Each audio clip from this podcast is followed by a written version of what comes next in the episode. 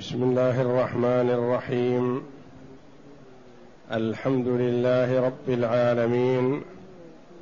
والصلاة والسلام على نبينا محمد وعلى آله وصحبه أجمعين. وبعد.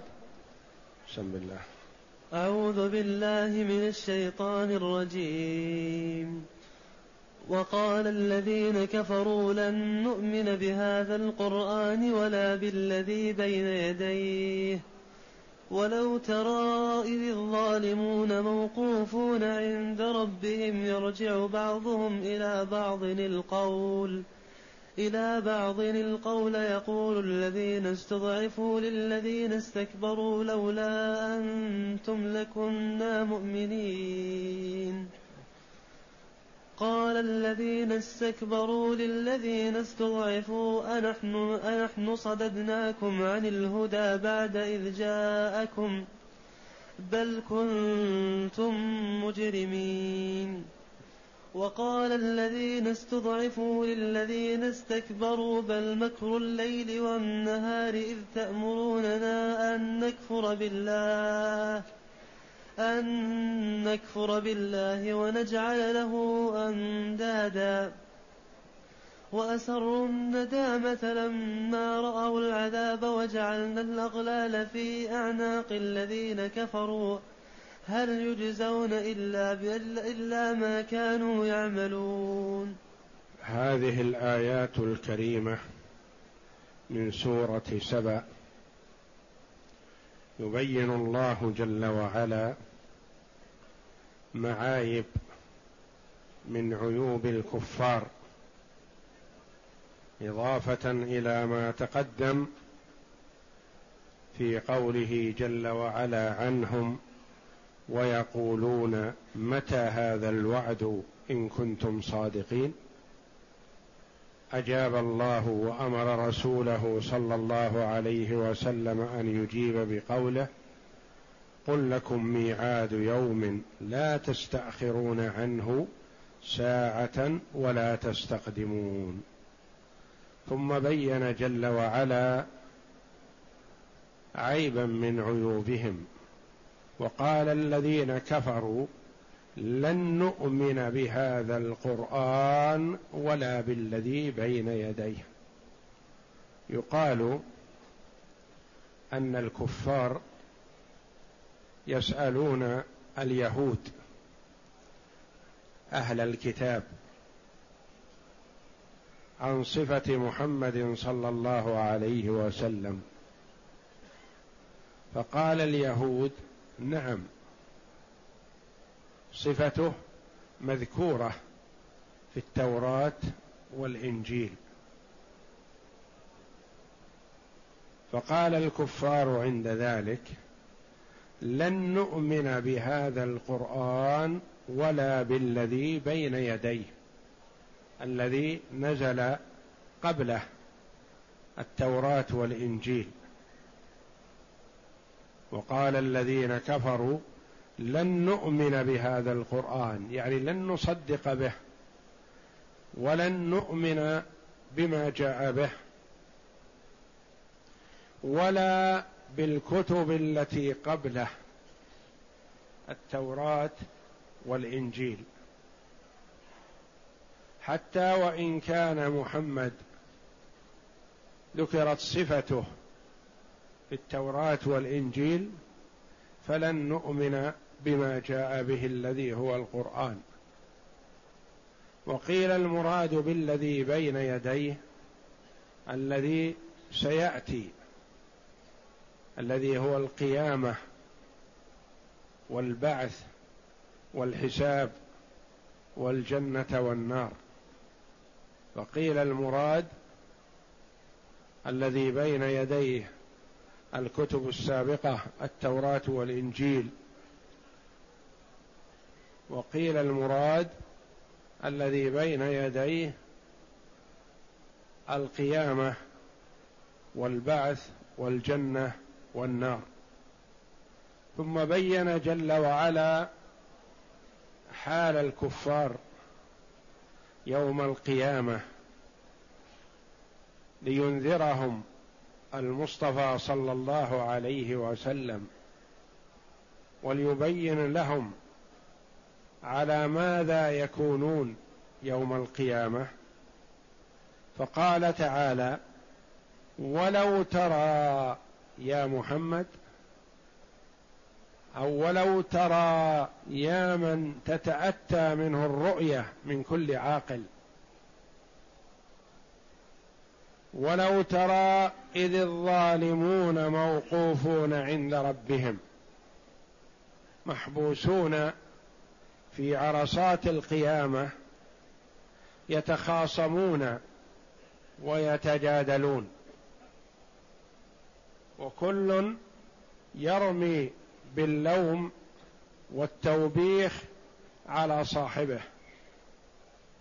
كما قال الله جل وعلا الأخلاء يومئذ بعضهم لبعض عدو إلا المتقين.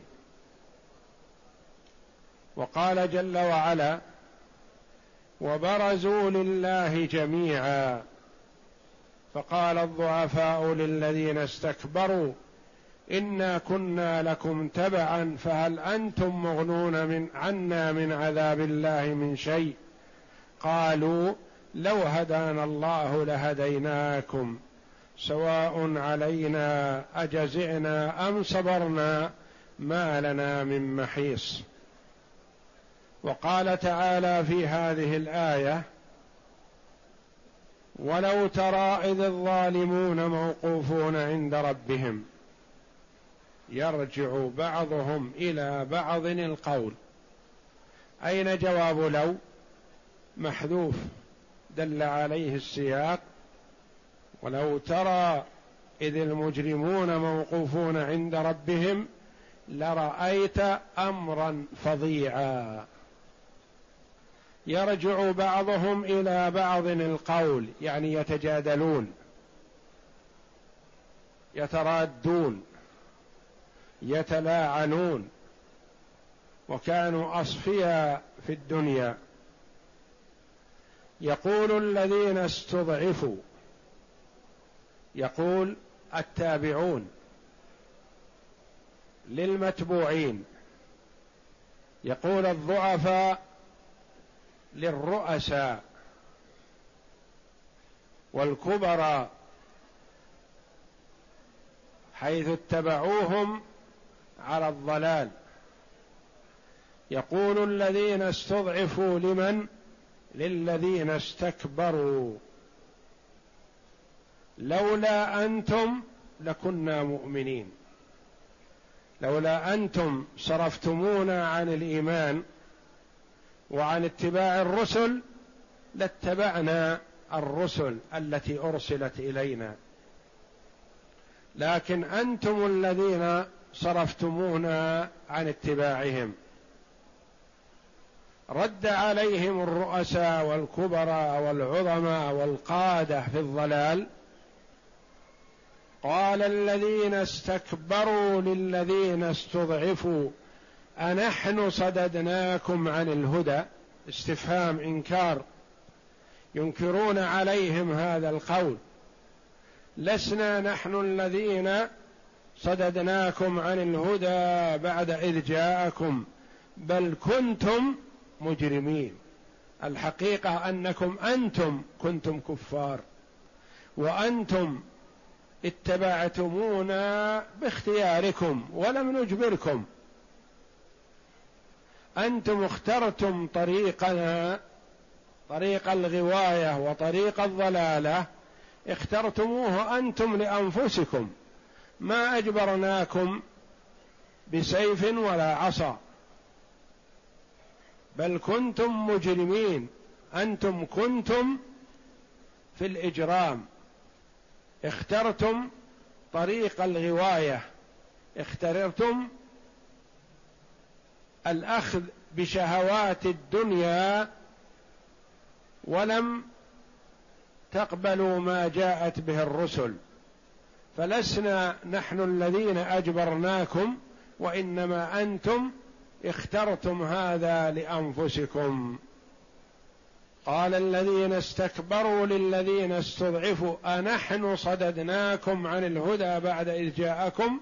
بل إضراب عن السابق. بل كنتم مجرمين بل أنتم كنتم في الإجرام والغواية والضلالة.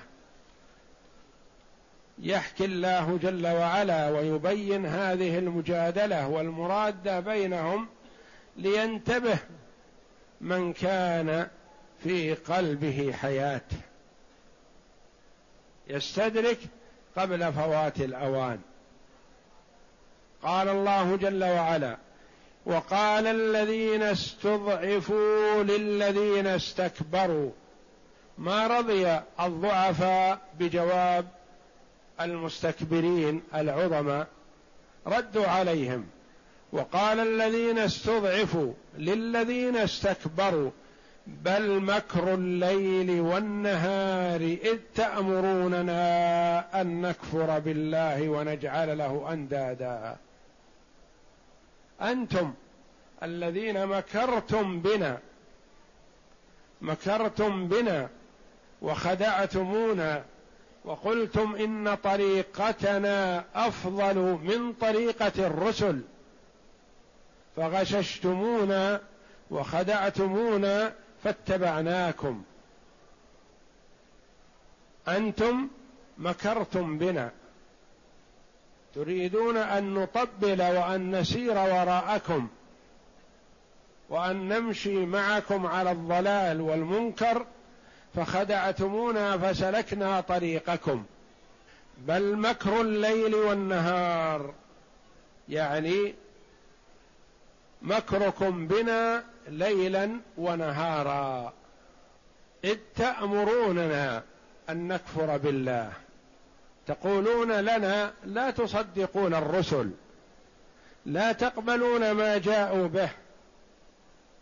أنتم غششتمونا إذ تأمروننا أن نكفر بالله الا نعبده وأن نعبد غيره وأن نقدم شهوات أنفسنا على ما شرعه الله لنا. تأمروننا أن نكفر بالله ونجعل له أندادا. نجعل له ند يعني مثيل ونظير. الند يقال فلان ند فلان يعني مثله. أنتم الذين تأمروننا أن نجعل لله نظراء. نعبدهم مع الله. نجعل لله مساويا. تقولون لنا عبادة الأصنام حق فاتبعناكم بذلك وعبدنا الأصنام مع الله. تقولون لنا إن هذه الآلهة تنفع فاتخذناها فضرتنا وإياكم. إذ تأمروننا أن نكفر بالله ونجعل له أندادا. كما قال بعض كفار قريش للضعفاء ما يأتيكم من العذاب نتحمله عنكم واتبعونا على ما نحن عليه. ولا تتبعوا محمد. واسروا الندامة. اسروا بمعنى أخفوا. السر الشيء الخفي حتى لا تكثر الشماتة. كل واحد يخفي عن صاحبه ما هو فيه من الضيق والعذاب. اسروا أخفوا. ويجوز أن تكون اسروا بمعنى أظهروا لأن كلمة اسر قال العلماء من الأضداد. يعني يصلح أن يعبر بها عن الخفي السر ويصلح أن يعبر بها عن الظاهر البين. واسروا بمعنى اظهروا الندامة. واسروا بمعنى أخفوا الندامة حتى لا يشمت بعضهم ببعض. وقيل في معنى أسروا يعني ظهرت آثار الندامة على أسارير وجوههم. ظهرت الكابه والحزن. وآثار الندامة ظهرت على وجوههم. تقول أثر الشقاء ظاهر على وجهه. وتقول أثر السرور ظاهر على وجهه. فالوجه ينم عن حال صاحبه من السرور أو الكآبة والحزن. وكل هذه المعاني صحيحة. أسروها بمعنى أخفوها حتى لا يشمت بعضهم ببعض. أظهروها بينوها وهي ظاهرة واضحة. أسروها بمعنى ظهرت آثارها على أسارير وجوههم. وأسروا الندامة لما رأوا العذاب. يعني حين رؤية العذاب عرفوا أنه أنهم معذبون لا محالة. ثم بين جل وعلا حالهم ومآلهم بعد هذا الجدال وهذا الخصام الحاصل منهم قال وجعلنا الأغلال في أعناق الذين كفروا. وجعلنا الأغلال الغل في العنق والقيد في الرجل يغلون ويقيدون ويسلسلون بالسلاسل. وجعلنا الأغلال في أعناقهم يعني تربط أيديهم إلى أعناقهم في الأغلال والعياذ بالله. في أعناق الذين كفروا. هنا أظهر اسم الكفار مع أنهم متكلم عنهم من قبل. وجعلنا الأغلال في أعناقهم. لكن الله جل وعلا أظهر صفتهم هذه ليسجل عليهم كفرهم للتنويه وفضيحتهم بأن سبب هذه الأغلال هو الكفر بالله جل وعلا. وجعلنا الأغلال في أعناق الذين كفروا. هل يجزون إلا ما كانوا يعملون؟ ما جزيناهم إلا بأعمالهم. كل سيجازى بعمله على قدره.